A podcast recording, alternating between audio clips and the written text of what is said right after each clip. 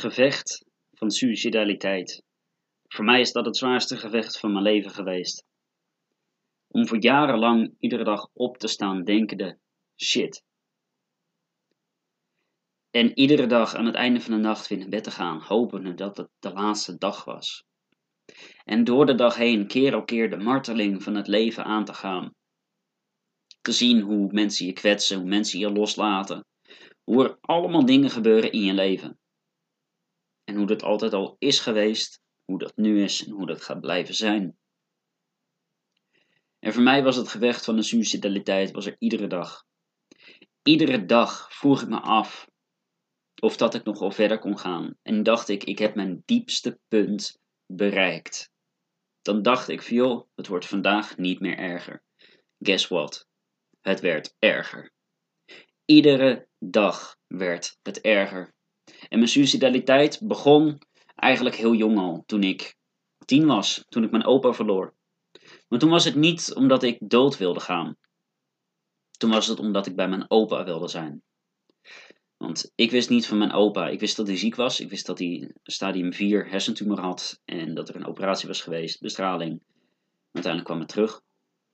Maar de dag van tevoren dat hij wegging, dat hij wegviel. Of eigenlijk dat ze euthanasie hebben uitgevoerd, wist ik dat niet. Dus voor mij was het een tot morgen opa. En die dag erna nou, was mijn broer was boven. Mijn pa zat op de bank, ik zat achter de computer en gaat de telefoon af, een uur of kwart voor vier. En mijn opa was weggevallen, dus mijn pa die roept mijn broer van boven en die vraagt mij of dat ik er ook bij wil komen. Je opa is dood. En dat brak me. Echt waar. Dat brak me, want naar die man ben ik, ging ik letterlijk iedere dag een stuk of drie, vier keer. Hij woonde tegenover ons. En ik hield meer van hem dan van mijn ouders op dat moment. Weet je, ik. S ochtends als ik opstond, ik wilde naar hem toe. En soms ging ik ook voor school uit, ging ik naar hem toe. Smiddags met de lunch had hij altijd warm. Probeerde ik vaak wat eten van hem te krijgen. Vaak mee te snacken van zijn vlees, aangezien ik een behoorlijke vleeseter was. En nog steeds ben. En smiddags na school ging, gooide ik mijn tas thuis af en ging ik naar hem toe. S'avonds, een uur of zeven, ging ik altijd weer naar hem toe voor een bakje chips. En dan ging ik tv kijken, zat hij in zijn stoel. Kon ik daar lekker vrij zijn, lekker spelen. Dan kon ik mezelf zijn. En in die tijd voelde dat voor mij thuis als anders. Daar was ik niet op gefocust. Ik was gefocust op mijn opa. En toen dat dan ook wegviel, brak het mij op. Want er was niets wat ik liever wilde op dat moment dan samen met mijn opa te zijn. Om naar hem toe te lopen en om hem een omhelzing te geven. En nogmaals, dat, dat brak me. En dat ging van het moment dat we te horen kregen dat mijn opa er niet meer was.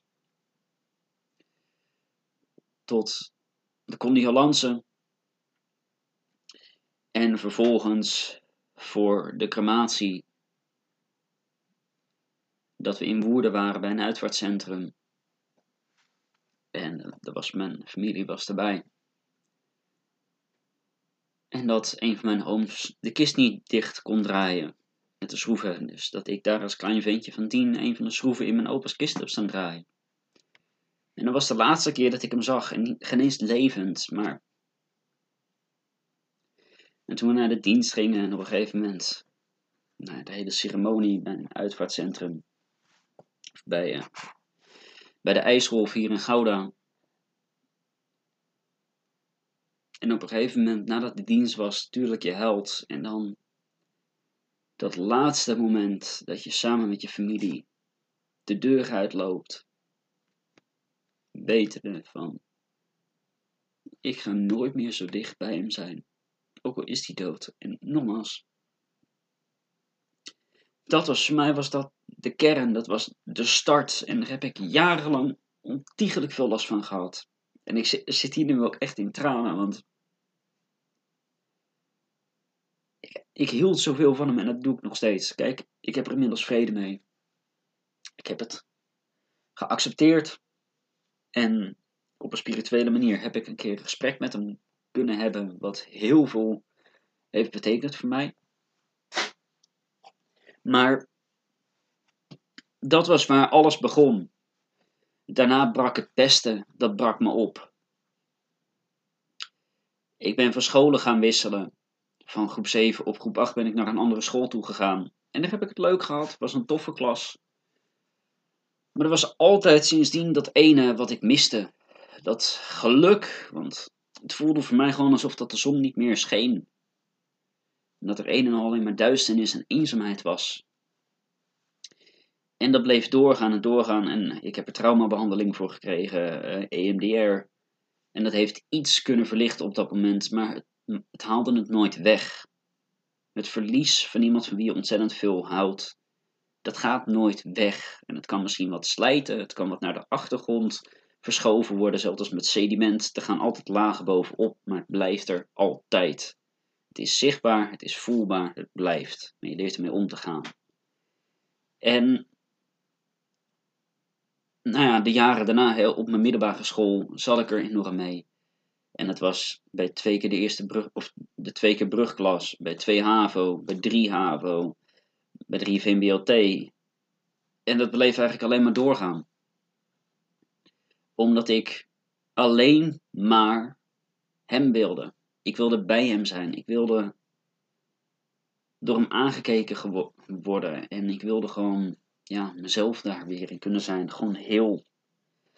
En ik weet dat dat het begin was van mijn suicidaliteit. Dat ik niet dood wilde gaan, maar dat ik bij hem wilde zijn. En dat als suicidaliteit dan de manier was, dat ik dat dan maar ging doen.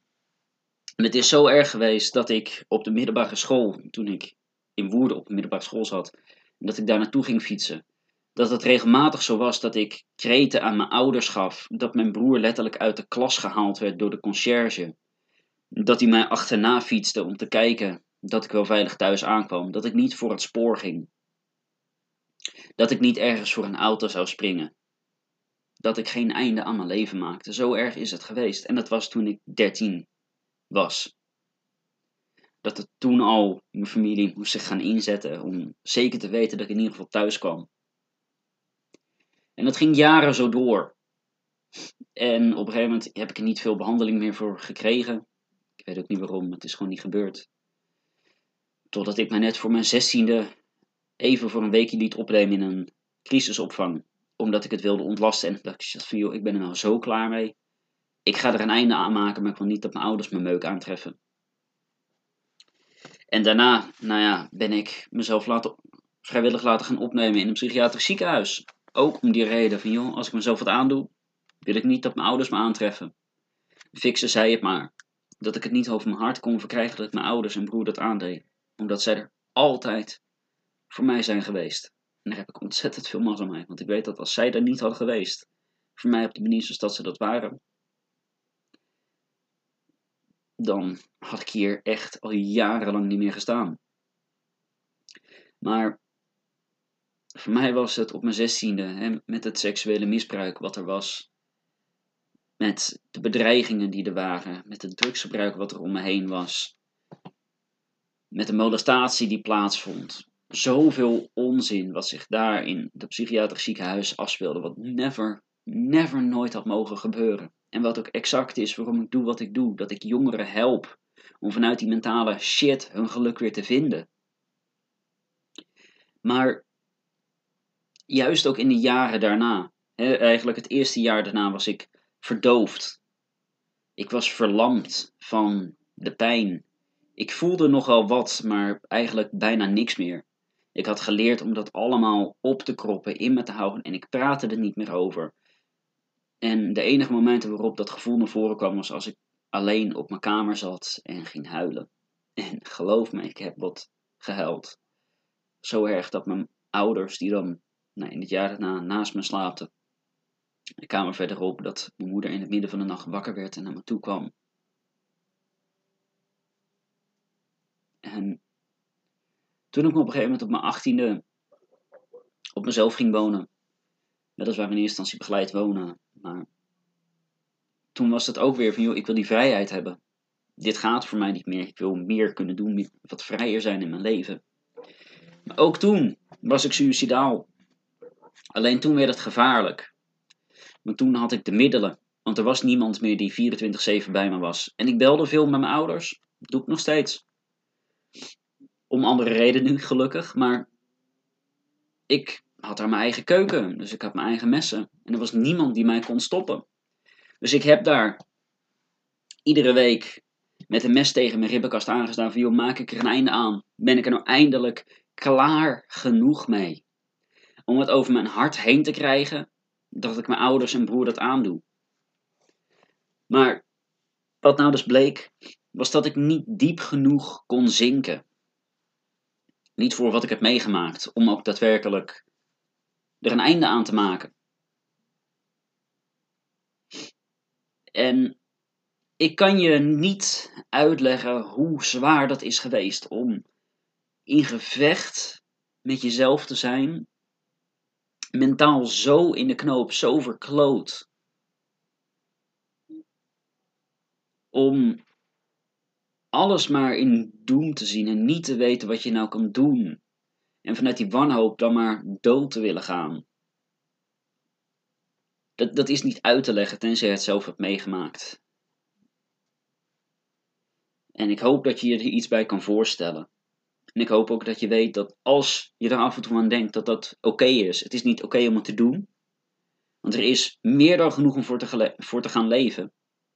Ook om nu voor te leven. En dat heb ik ook geleerd. Maar ik snap het. Als dat is hoe je je af en toe voelt. Dat het voelt van, hé, is dat niet beter? Maar dat is niet beter. En ik ga niet zeggen dat het vluchten is. Want dat snap ik. Want je wil niet dood. Je wil alleen die pijn niet meer ervaren. Maar ik kan je ook één belofte maken.